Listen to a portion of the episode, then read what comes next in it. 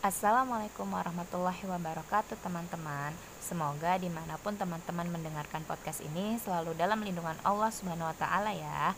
Pada kesempatan kali ini Nana mau sharing tentang pola gizi di bulan Ramadan dan era wabah eh, COVID-19 ini bersama Kak Andini Mahasiswi Magister Gizi Kesmas UI Nah langsung aja ya. Assalamualaikum Kak Andini Waalaikumsalam Nana. Kak Andini gimana kabarnya? Sehat? Uh, Alhamdulillah sehat. Nana gimana kabarnya? Sehat, Alhamdulillah Kak. Oh iya Kak, kan kita mau sharing-sharing nih. Kak Andini boleh ya kenalan dulu? Oke, nama aku Andini Septiani. Uh, untuk background aku itu dari Kesmas, uh, peminatannya gizi. Jadi dulu sempat kuliah S1 dari gizi Kesmas. Kemudian untuk saat ini aku sedang melanjutkan kuliah uh, studi lagi di gizi kesmas juga. Jadi memang concern aku itu di bidang gizi. Oh gitu, mantap kak. Nah berarti untuk sharing-sharing kali ini uh, tentang gimana uh, kita tetap oke, okay, stamina-nya tetap kejaga, pola gizinya selama bulan Ramadan dan pandemik ini ya kak ya. Oke, okay, kita sharing-sharing ya, sharing-sharing nih. Uh, untuk kalau dari aku sendiri sih memandang untuk bulan puasa itu kan memang uh, di dalam Islam pun juga wajib ya sebagai umat Islam gitu dan pasti ada alasan itu pasti baik untuk kesehatan kita untuk bulan puasa atau puasa itu sendiri. Untuk uh, di menurut aku kalau untuk prinsip utamanya ini kita karena sedang mengalami uh, puasa di saat wabah itu aku menjabarkannya menjadi dua prinsip utama prinsip yang pertama yaitu uh, karena kita berpuasa jam makan kita itu pasti berubah atau jadwal makan kita itu berubah. Uh, tapi kebutuhan dari zat gizi kita itu tetap sama. Tuh jadi uh, gimana sih caranya kita bisa tetap memenuhi kebutuhan dari zat gizi yang dibutuhkan tubuh kita tapi dengan penjadwalan makan yang berbeda? Itu prinsip yang pertama. Gitu gitu. Jadi prinsip pertamanya uh, kita membutuhkan zat gizi yang tetap sama, tapi dengan kondisi makan yang berbeda atau jadwal makan yang berbeda. Untuk prinsip yang keduanya, uh, karena kita sedang menghadapi wabah uh, virus COVID-19 ini, kan sudah masuk ke tahap yang sudah kris, uh, krisis ya, maksudnya dalam kondisi yang wabah saat ini sudah masuk ke tahap yang uh, krisis itu. Nah, gimana caranya kita untuk uh, tetap stay healthy atau uh, tetap sehat uh, di saat kondisi kita sedang menghadapi wabah dan juga sedang kondisi uh, bulan puasa. Jadi bagaimana sih kiat-kiatnya untuk uh, me, apa, meningkatkan imunitas tubuh kita untuk melawan wabah saat ini dan juga menghadapi untuk bulan puasa saat ini. Itu untuk prinsipnya. Jadi aku bagi menjadi dua ya prinsip uh, utamanya. Yang pertama untuk uh, gimana untuk kebutuhan zat gizinya saat puasa sendiri dan yang kedua gimana kebutuhan dari zat gizi itu yang bisa menum, uh, menopang atau meningkatkan dari stamina dan imunitas tubuh kita untuk melawan wabah dan saat bulan puasa saat ini. Tuh, itu untuk prinsip utamanya. Mungkin dari prinsip uh, utamanya tersebut kita langsung jabarin aja kali ya dari dua-duanya. Uh, kalau dari prinsip yang pertamanya dari rekomendasi WHO dan rekomendasi dari Kemenkes itu sebenarnya sama aja gitu nggak beda-beda jauh. Kalau dari WHO sendiri uh, direkomendasikan yang paling utama itu konsumsi air yang banyak sebesar 10 gelas eh, sebanyak 10 gelas per hari. Itu yang utama yang direkomendasikan oleh WHO untuk yang kedua WHO merekomendasikan juga makan makanan yang mengandung air. Uh, contohnya mungkin lebih banyak di buah-buahan kayak semangka melon terus jeruk dan uh, apa stroberi itu juga banyak sih untuk lebih banyaknya sebenarnya di buah-buahan. Kemudian untuk uh, rekomendasi selanjutnya itu dari WHO uh, eh, menganjurkan isi segera segera isi kembali energi setelah berbuka puasa. Jadi pas buka puasa langsung uh, uh, isi kembali dan dari WHO sebenarnya menganjurkan juga untuk uh, yang konsumsi tiga buah kurma seperti di Islam juga dianjurkan ya untuk konsumsi tiga buah kurma saat berbuka puasa. Ya, kenapa? Karena kurma itu juga banyak mengandung energi dan seratnya. Gitu. Jadi itu uh, konsumsi energi dan seratnya itu juga bisa memperlambat uh, untuk apa uh, pencernaan kita gitu. Kemudian untuk uh, seperti makanan yang dianjurkan atau zat gizi yang dianjurkan itu lebih kayak ke vitamin, mineral itu juga harus dipenuhi. Itu biasanya didapatkan dari konsumsi buah dan sayur. Kemudian uh, untuk protein dan lemak uh, proteinnya juga diperhatikan. Proteinnya lebih ke lauk pauk seperti daging-dagingan, ayam, ikan seperti itu. Dan yang dihindari itu lemak lemak yang tinggi di, di uh, dikurangi, bukan dihindari dikurangi. Karena kita kan sedang kondisinya puasa, pasti kan ada pembatasan aktivitas fisik ya.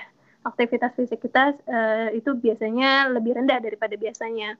Nah, konsumsi lemak ini yang paling pertama uh, lemak itu yang paling pertama dipecah oleh tubuh. Jadi kalau misalnya konsumsinya dikurangin, otomatis berarti kan untuk konsumsi uh, konsumsi dari pemecahannya itu juga harus dikurangi gitu dikurangi kan berarti konsumsinya kemudian untuk sahurnya juga dianjurkan oleh eh, WHO itu lebih ke peningkatan untuk uh, menunjang sebelum kita berpuasa lebih ditekankan itu di sayur buah kemudian konsumsi karbo dan makanan tinggi protein itu kalau untuk rekomendasi dari WHO secara umum atau secara garis besarnya.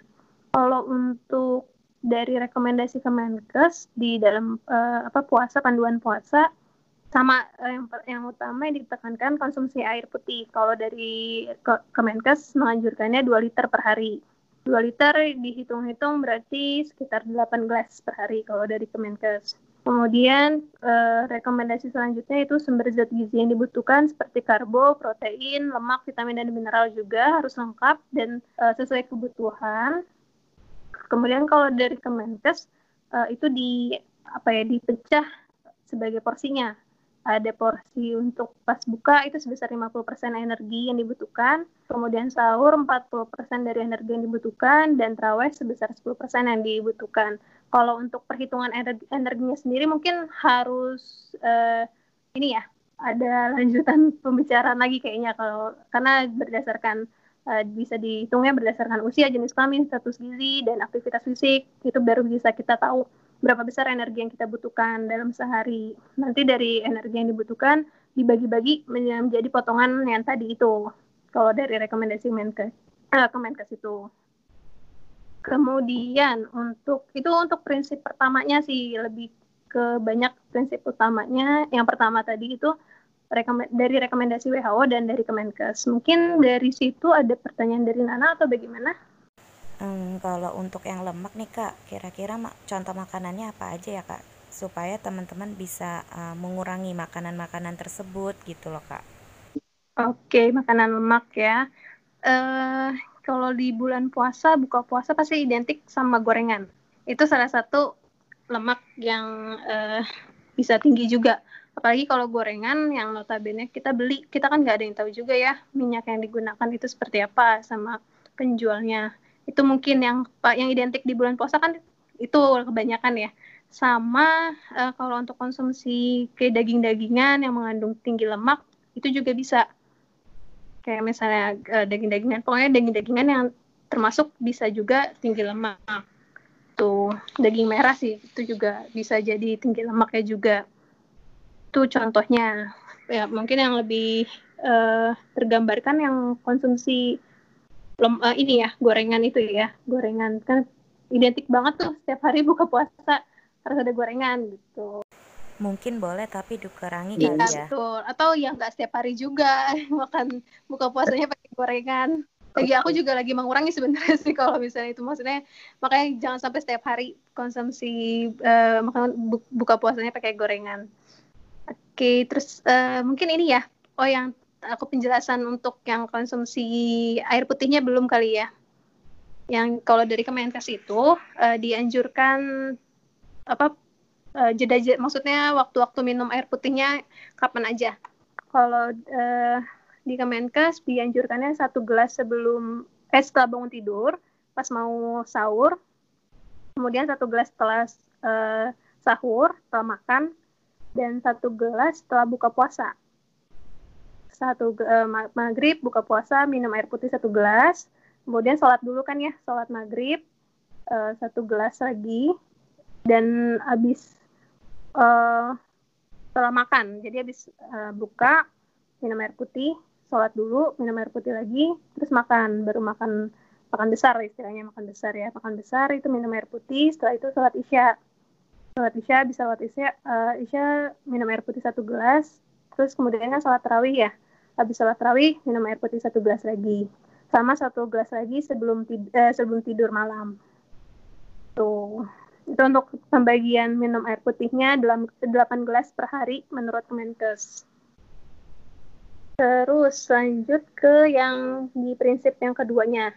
Untuk prinsip kedua kan dibutuhkan konsumsi makanan atau konsumsi gizi yang bisa meningkatkan imunitas kita untuk melawan wabah saat ini. Uh, sebenarnya untuk virus ini juga bisa dilawan dari pola hidup kita, dari konsumsi makannya yang yang bergizi dan yang mengandung uh, zat gizinya tuh yang meningkatkan imunitas. Kemudian dari pola hidup kita juga kayak cuci tangan, rajin cuci tangan atau kalau habis dari luar uh, langsung bersih-bersih kayak gitu. Sama aktivitas fisiknya juga harus tetap diperhatikan. Walaupun puasa itu juga tetap harus memperhatikan aktivitas fisik. Kemudian untuk yang uh, apa sih zat-zat gizi yang bisa meningkatkan imunitas? Itu ada vitamin C, protein, zinc, vitamin A sama vitamin E itu yang paling uh, utama, yang paling utama atau yang sering atau uh, lebih tinggi untuk meningkatkan aktif, uh, meningkatkan imunitasnya. Kemudian untuk contohnya, misalnya contohnya dari zat gizi itu contoh makanannya apa saja. Kalau vitamin C contohnya kayak jeruk, stroberi, sebenarnya lebih banyak ke buah dan uh, buah-buahan kalau untuk vitamin C-nya itu. Terus untuk yang protein, contohnya kayak daging-dagingan, uh, ayam, ikan, itu proteinnya juga tinggi. Untuk yang zinc, contohnya kayak kerang, uh, daging-dagingan juga bisa. Untuk uh, apa zat gizi zinc ini bisa mengandung dan udang juga mengandung zat, uh, zat gizi zinc ini. Terus dari vitamin A, contohnya kayak tomat, mangga, sama sayur-sayurannya itu wortel. Dan vitamin E, contohnya itu kayak yang tinggi itu di alpukat. Tuh, sebenarnya sih lebih banyak di buah sih karena kan uh, masuknya itu ke zat gizinya lebih banyak di zat gizi mikro. Tuh. Untuk dari konsumsi itu uh, kenapa dibutuhkan gitu? Kenapa dibutuhkan? Balik lagi ke karena memang kondisi tubuh kita yang sebenarnya bisa melawan dari virusnya itu sendiri sama pola hidupnya kita sendiri yang bisa melawan dari virusnya ini gitu. Karena juga kan kondisinya kita uh, lagi puasa nih lagi puasa kan nggak bisa asal makan aja maksudnya uh, oh butuh kayak uh, kayaknya lagi nggak enak nih langsung makan buah gitu kan nggak bisa kayak gitu ya. Kita dibatasi makannya juga dibatasi kan waktunya. Jadi pas lagi makan harus makan yang langsung berkualitas gitu jadi di saat kondisinya kita bisa makan pas buka puasa sampai uh, sampai sahur itu jadi harus makan dengan uh, ada jadwalnya itu ha, tapi harus yang berkualitas sekaligus gitu. Jadi nggak sia-sia lah istilahnya kayak gitu ya. Tuh itu sih lebih ke situ. Berarti kalau bisa disimpulkan ya kak uh, untuk menjaga stamina ini kita menggunakan dua prinsip besar yakni uh, mengatur jadwal makan saat Ramadan buka dan sahur juga mengkonsumsi makanan-makanan yang mengandung vitamin untuk menjaga stamina di uh, wabah COVID-19 ini. Nah, seperti misalkan saat sahur kita makan makanan yang banyak air gitu ya, Kak ya. Ya, karena kan kita lagi puasa, uh, tidak ada konsumsi makan minum uh, di jam dari fajar sampai maghrib gitu istilahnya ya. Uh, jadi kita tetap harus juga jaga tubuh kita bisa dehidrasi. Makanya dianjurkan konsumsinya banyak air dan makan makanannya yang cukup mengandung air. Itu sih jadi alasannya lebih ke menghindari dehidrasinya. Oh iya iya iya. Uh, mungkin kak Andi ini ada tips buat uh, mengkonsumsi makanan sehat dan pola gizi ideal dengan harga yang cukup terjangkau mungkin? Oh iya, uh, kalau untuk konsumsinya sebenarnya nggak harus mahal justru justru malah kayak konsumsi uh, sayur kayak gitu kan nggak mahal ya kayak sayur bayam istilahnya kan beli di warung atau di uh, apa tukang sayur gitu kan nggak mahal satu ikatnya juga berapa cuma berapa gitu istilahnya. Itu justru tapi kayak sayur bayam gitu juga tinggi kan uh, zat gizi kayak zat gizi yang lainnya gitu zat gizi zat besinya atau yang lainnya juga tinggi. Eh, nggak uh, harus mahal justru. Walaupun uh, beli atau gimana itu tetap harus perhatikannya. Yang penting itu kualitasnya justru yang kayak sayur-sayuran uh, yang tadi di aku sebutin contoh-contohnya itu bisa dibeli. Mungkin yang dibilang mahal itu uh, untuk yang protein kali ya. Karena kan lebih ke daging ayam gitu gitu. Tapi kan ikan pun juga nggak masuk. Masuknya tuh masih bisa uh, dijangkau lah istilahnya kayak gitu. Karena sehat itu nggak harus mahal itu sih intinya Wah iya juga sehat gak harus mahal ya kak ya. Dan mungkin di Ramadan spesial kali ini bisa jadi ajang berbagi juga ya kak. Iya benar. Ah, Jadi apalagi kita lagi di rumah kan di, Lagi di rumah masing-masing gitu. E, Bisa lah itu jadi ajang lagi saat bulan puasa ini Jadi ajang untuk saling berbagi. Ihe mantap, Masya Allah, tabarakallah. Cukup jelas sih kak. Mungkin dari Kak Andini ada tips lagi Yang dari Kak Andini kan kalau tadi dari WHO dan Kemenkes ya Oke, kalau untuk tips dari aku sendiri, uh, tadi kan sudah dijabarkan ya rekomendasi dari WHO sama dari Kemenkes. Kalau tips dari aku sendiri itu tetap konsumsi sama, konsumsi air putih juga minimal 2 liter kalau aku itu uh, contohnya itu aku selalu minum di botol yang ada ukurannya. Jadi udah berapa kali ngabisin botol itu dalam sehari gitu. Itu itu kan ada takarannya berarti ya hitung aja 2 liter gitu. Berapa berapa kali botol tersebut habis gitu menghabiskannya. Kemudian tetap aktivitas fisik seperti biasa walaupun kita lagi di rumah aja, walaupun dalam dalam kondisi uh, lagi puasa itu tetap harus ada aktivitas fisiknya. Uh, even untuk bantu orang tua kayak nyapu ngepel itu kan juga masuk ke aktivitas fisik. Yang penting rutin dalam uh, sehari itu ada aktivitas fisiknya. Kemudian tetap konsumsinya juga harus seimbang. Atau uh, ada lauk pauk uh, ada lauk lauk lauk pauk kemudian sayur ada proteinnya atau uh, seperti ikan daging ayam itu juga bisa juga ada dan sama karbonnya kayak nasi itu mungkin uh, secara gambaran dalam satu piringnya itu ada nasi, ada sayur, ada daging atau ikan, sama ada uh, kayak protein uh, apa protein nabatinya seperti tempe atau tahu, ditambah sama buah-buahan. Nah, untuk buah-buahannya ini dikonsumsi sebaiknya setelah makan. Tuh, itu untuk tips dari aku. Kemudian kita tetap harus uh, apa ya, jaga kesehatan dalam kondisi seperti ini karena diri kita sendiri yang bisa mengontrol atau melawan dari virus-virus yang ada saat ini gitu. Jadi tetap harus sehat walaupun di rumah aja. Alhamdulillah, semoga uh, bisa menjadi bermanfaat buat yang menyampaikan dan juga mendengarkan ya kak ya. Terima kasih kak atas waktunya. Terima kasih aku juga terima kasih banget untuk sharing-sharing kesempatan sharing-sharingnya. Ya. Alhamdulillah teman-teman sudah kita dengarkan sharing-sharing dari Kak Andini. Semoga menjadi ilmu yang bermanfaat dan juga semoga teman-teman tetap sehat walaupun di rumah aja. Sekian dan terima kasih. Wassalamualaikum warahmatullahi wabarakatuh.